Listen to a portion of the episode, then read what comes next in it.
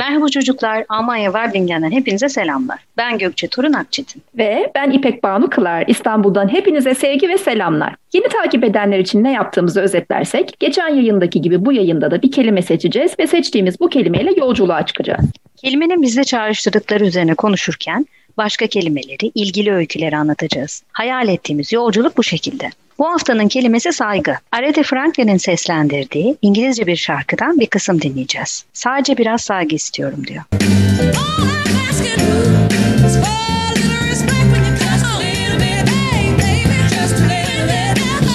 Saygı kelimesinin anlamına baktığımızda büyüklere, yaşlılara, değeri yüksek olanlara, kutsal bilinen kimselere sevgi ve çekinmeyle karışık bağlılık duygusu başkalarını rahatsız etmekten çekinme duygusu inceliği olarak tanımlanmış. Küçüklere saygı yok mu diye sormak istiyorum. Çocuk, çocuk olduğu için saygı duyulmalı aslında. Onun ihtiyaçlarına, gelişiminin gerektiği değişimlere, hedeflerine saygı duymak gerekiyor. Çocuklara saygısızlık denince aklıma ailesi tarafından, fikri sorulmadan, süs bebeği gibi giydirilmiş, oyun oynarken o kıyafetler içinde rahat edemeyen çocuklar geliyor. Ya da ileride gördüğünde hoşlanmayacağı bir şekilde sosyal medya platformlarında paylaşılması fikri sorulmayan, dinlenilmeyen, hayatın içine dahil olmayan çocukların karşı karşıya kaldığı saygısızlık. Sözlüğümüzde karşılığı olmadığı gibi hayatımızda da çocuğa saygının karşılığı yok. Sadece çocuklar değil, doğaya, hayvanlara, onların yaşam haklarına saygı da önemli. Dediğine sonuna kadar katılıyorum ve ekliyorum. Her şeye saygı önemli. Aslında benim için saygı tanımı dünya üzerinde var olan her şeyin varoluşunu anlamaya çalışma çabası. Tüm canlıları ve hatta tüm cansızları. Bir canlı bir sebeple orada. Denizdeki yosun, havadaki kuş, kapının önünde oyun oynayan çocuk, sıra beklemek istemeyen adam, sabırsız kadın, herkes ama herkes davranışıyla kendini anlatmaya çalışıyor. Bazen bizim gibi, bazen bizim hiç yapmayacağımız şekilde. Çok farklı bir biçimde yapıyor bunu ama yapıyor. Durup anlamaya çalıştığımız o an, o nokta tam da saygı duyduğumuz zaman oluyor işte. Benim için böyle bir şey saygı. Ben de şimdi ikinci anlamından bahsedecektim. Çok güzel bir anlam olduğunu düşünüyorum. Başkalarını rahatsız etmekten kaçınma. Yaptığın tanımla her şey içine dahil etmiş oldun. Evet ama yine de bu duruma daha detaylı değinmek önemli olabilir. Çünkü günümüzün en büyük sorunlarından biri kendimizden başkayı kimseyi, kendimizden başka kimseyi önemsememek, düşünmemek. Mesela çok yüksek sesle sohbet eden bir masa eğleniyoruz ne var bunda diyor. Ama saygısızlık yaptığının farkında değil. Ya da pazar günü evinde tamir yapan biri tek tatil günüm var ne var bunda derken bir başkasının tatil gününü dinlenerek geçirmek isteyebileceğini düşünmüyor ya da umursamıyor. Ya da benim en çok karşılaştığım iki durum. Biri diğerinden bir şey istiyor ve diğeri onun isteğini dinlemeden olmaz diyor. Ya da dinleyip olmayacağını söylemesine rağmen bu sefer karşı taraf olmaz cevabını kabul etmeyip olması için ısrar ediyor, diretiyor birbirimize, kararlarımıza önem vermiyoruz maalesef. Yani saygı göstermiyoruz. Zaman zaman hatta belki de çoğu zaman. Başka bir kaynağa göre de saygı, ilişkide olunan, iletişim kurulan varlık veya oluşumun hak, değer, inanç ve her türlü özelliğini göz önünde tutmak, bunlara ön yargısız yaklaşmak, gerekli tavrı göstermeyi içeriyor demiş. Bu durumda her canlı inancı kapsıyor. Saygı kelimesinin kökü say, saymak, değer vermekten geliyor. Kelimenin Arapçası olan itibar ve hürmet kelimeleri de dilimizde kullanılıyor. Peki bir sorun var. Saygı herkese karşı ön yargısız duyulan bir şey ise o zaman bize veya başkalarına kötü davrananlara, takdir etmediğimiz davranışlar sergileyenlere de saygı duymalı mıyız? Saygı duymak o kişiyi anlayabilmekse eğer, yaşam alanına, tercihlerine karışmamaksa o zaman herkes saygıyı hak eder. Ancak yaptıklarını desteklediğimiz anlamına gelmiyor bu karşımızdakini anlamaya çalışırken geçen o zaman aslında karşı tarafın yaptığı ya da yapmadığı olumlu ya da olumsuz davranışı neden yaptığını sorgulamak için. Bunu anlamak çok önemli. Bunu anladığımızda ya da anlayamadığımızda vereceğimiz cevap, sergileyeceğimiz davranış daima sakin ve yapıcı olacak. Bu da belki karşımızdaki kişinin saygı duyması gerektiğini anlamasına sebep olacak aslında. Mesela hafta sonu bir parkta mangal yapıp sonra ortalığa çöplerini bırakan bir insanı hafta sonu istediği gibi eğlenme davranışına saygı duyduğumuz gibi yaşam alanımıza, doğaya saygı duymadığı için bu durumu cezai yaptırımlarla düzeltebiliriz. Bu tip yaptırımlar ne kadar çok olursa saygısızlığın kanuni bir yaptırımı olmadığını düşünen kişileri de yanıltmış oluyoruz. Peki bilimde saygı nasıl duyuluyor? Mesela saygı duyulan bir bilim insanının fikirlerini şartsız, koşulsuz kabul ediyor muyuz? Saygı duymak her denileni kabul etmek, itaat etmek değil tabii ki. Bilimin müthiş bir süzgeci var. Hiçbir teori, hiçbir tez saygın bir bilim adamı söyledi diye sorgulanmayarak rafa kaldırılmıyor. Aksine bilim mutlak değişmez kabul edilen yargıları bile öncelikli olarak şüpheyle sorgulamak üzere çalışıyor. Albert Einstein'ın modern fiziğin en temel yapı taşlarından biri olarak kabul edilen 1905 tarihli izafiyet teorisine göre hiçbir şey ışıktan daha hızlı hareket edemez. Ancak araştırmacılar nötrino adı verilen atom parçacığının ışıktan daha hızlı hareket ettiğini tespit ettiklerini söylüyorlar. Bu bilgiyle birlikte büyük saygı duyulan fizik kanunları yeniden yazılıyor. Asıl saygı bu galiba. Çalışmalarına saygı duyulup doğruluğu milyonlarca kez tartışılıp yeniliklere sebep olmak. Dönüp dolaşıp hep aynı noktaya geliyoruz belki ama şu gerçeği unutmamalıyız. Saygı her zaman kendimizle başlıyor.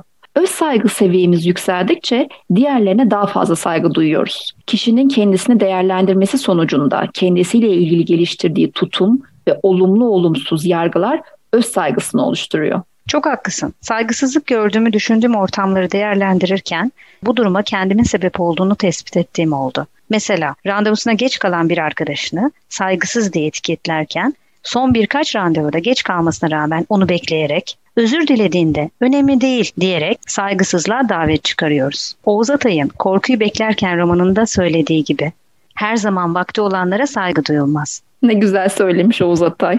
Ben anne babasına bağıran ya da vuran çocuklar görüyorum. Buna müsaade eden ebeveynler kendi saygınlığını unutuyor aslında. Aynı şekilde hazırladığı bir sunumu günlerce çalışmasına rağmen basit bir şeymiş gibi hızlıca geçenler var. Yaptığı işe saygı duyulmuyor gibi hissettiğinde önce kendileri bu duruma başlatmış oluyorlar aslında. Öyle haklısın ki İpek'cim.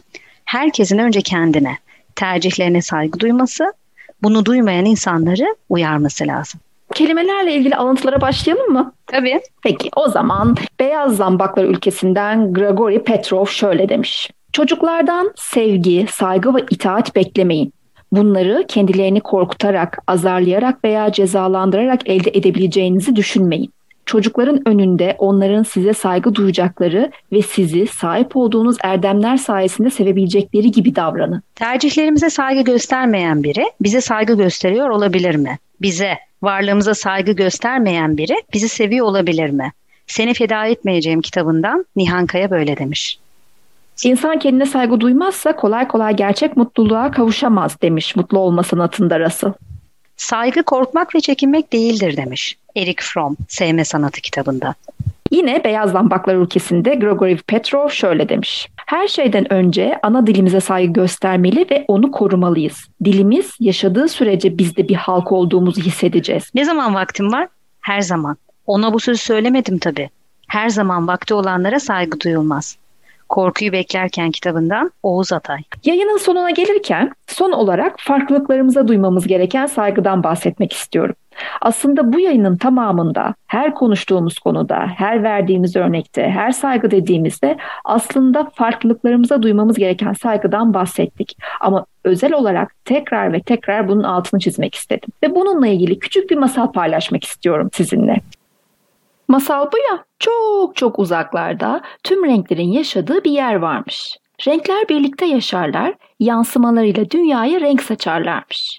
Ama zamanla anlaşamaz olmuşlar renkler. Çünkü her bir renk kendisinin daha güzel ve önemli olduğunu düşünmeye başlamış. Renkler topluluğu gökkuşağı ise renklerin sadece kendilerini önemsemelerine anlam verememiş ve bu duruma çok üzülmüş. Bir gün tüm renkleri toplantıya çağırmış ve neden böyle olduğunu anlamak için onlara konuşma fırsatı vermiş. Yeşil renk söze başlamış hemen. En asil renk benim demiş. Canlılığın, yaşamın, baharın rengiyim ben. O yüzden en önemli renk de benim. Yeşil kardeş çok yanılıyorsun demiş mavi. Bir kere benden daha güzel bir renk olsaydı gökyüzü onunla boyanırdı. Ben gökyüzünün, denizlerin rengiyim. Bana bakan rahatlar. İkiniz de boşuna konuşuyorsunuz demiş sarı ve ardından eklemiş. Sen ilkbaharın rengiysen sevgili yeşil, ben de sonbaharın rengiyim ve sevgili mavi. Sen gökyüzünün denizlerin rengiysen ben de başağın, buğdayın rengiyim. Benim gibi renk henüz doğmadı. Turuncu sarının bu söylediklerine dayanamamış. Asıl sonbaharın rengi olan benim bir kere. Sadece sonbaharın değil, sıcağın, güneşin, ateşin rengi de benim. Ateş mi dedin diye kükremiş kırmızı. Bu kavurucu kırmızılığımla seni yakarsam hangimiz daha ateşiz görürsün. Benden daha etkileyici bir renk olamaz. Renkler topluluğu gökkuşağı bütün bu konuşmaları şaşkınlıkla dinlerken beyaz renk sessizliğini bozmuş. Sessiz kalayım konuşmayayım diyorum ama olmuyor. Ben temizliğim, aydınlığım, yol gösterenim. Benden daha özel, benden daha güzel bir renk olabilir mi? Ne kadar kendinizi beğenmişsiniz diye söze girmiş pembe. Mor da başıyla onaylamış. Birlikte iyi vakit geçiren ve araları bozulmayan üç arkadaşmış. Pembe, mor ve gri.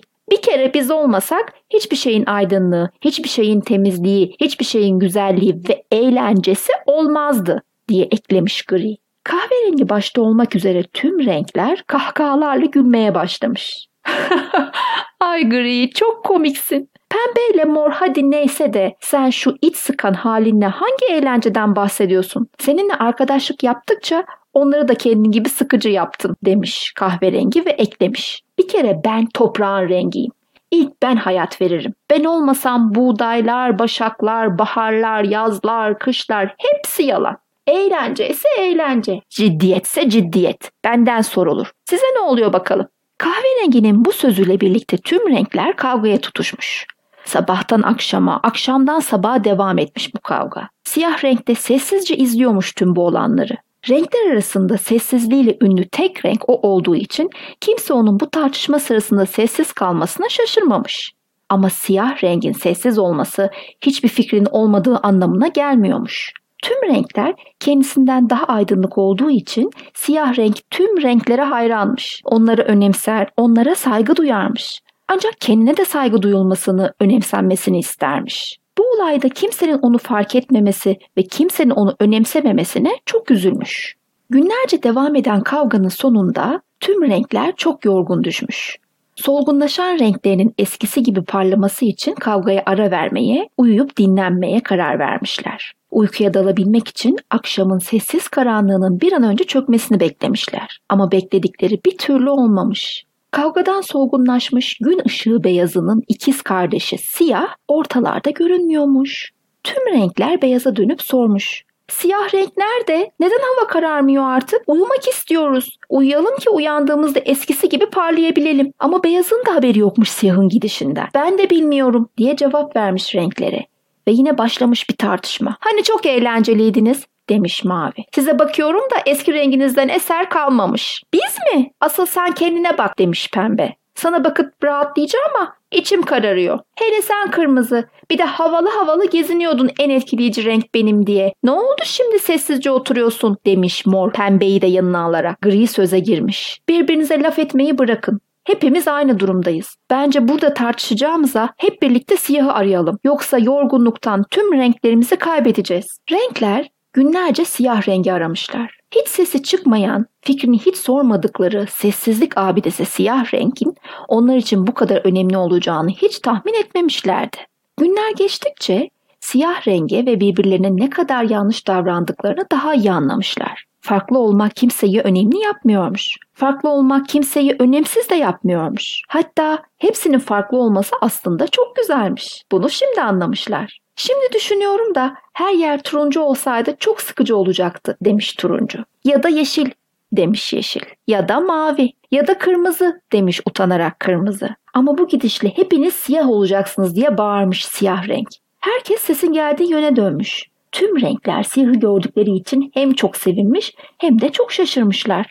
Çünkü siyah renk hep sessiz kaldığı için kimse onun sesini bilmiyormuş. Hey siyah nerelerdeydin diye sormuş renkler sevinç ve merakla. Siyah da anlatmış yaşanan kavgalardan dolayı üzüntüsünü ve kimsenin onu fark etmeyeceğini düşündüğü için gitmeye karar verdiğini. Ancak sizlerin beni aradığınızı ve parlaklığınızın gittiğini görünce dayanamadım. Benim siz olmadan, sizlerin de ben olmadan yapamayacağınızı anladım diye eklemiş. Çok haklısın demiş tüm renkler hep bir ağızdan. Renkler topluluğu gökkuşağı günler süren tartışmaların sonunda renklerin birbirlerini anlamaya ve dinlemeye başlamalarından dolayı çok mutlu olmuş. Kendinizle o kadar çok ilgileniyordunuz ki birlikte ne kadar güzel ve ahenkli olduğunuzun farkında bile değildiniz demiş renkler topluluğu gökkuşağı ve devam etmiş sözlerine. Hepiniz farklı bir renktesiniz ve hepiniz çok önemlisiniz. Farklı renkte olmanız farklı özellikleriniz olduğunu gösterir. Her birinizi de çok özel yapar. Ama asla birinizi diğerinizden üstün yapmaz.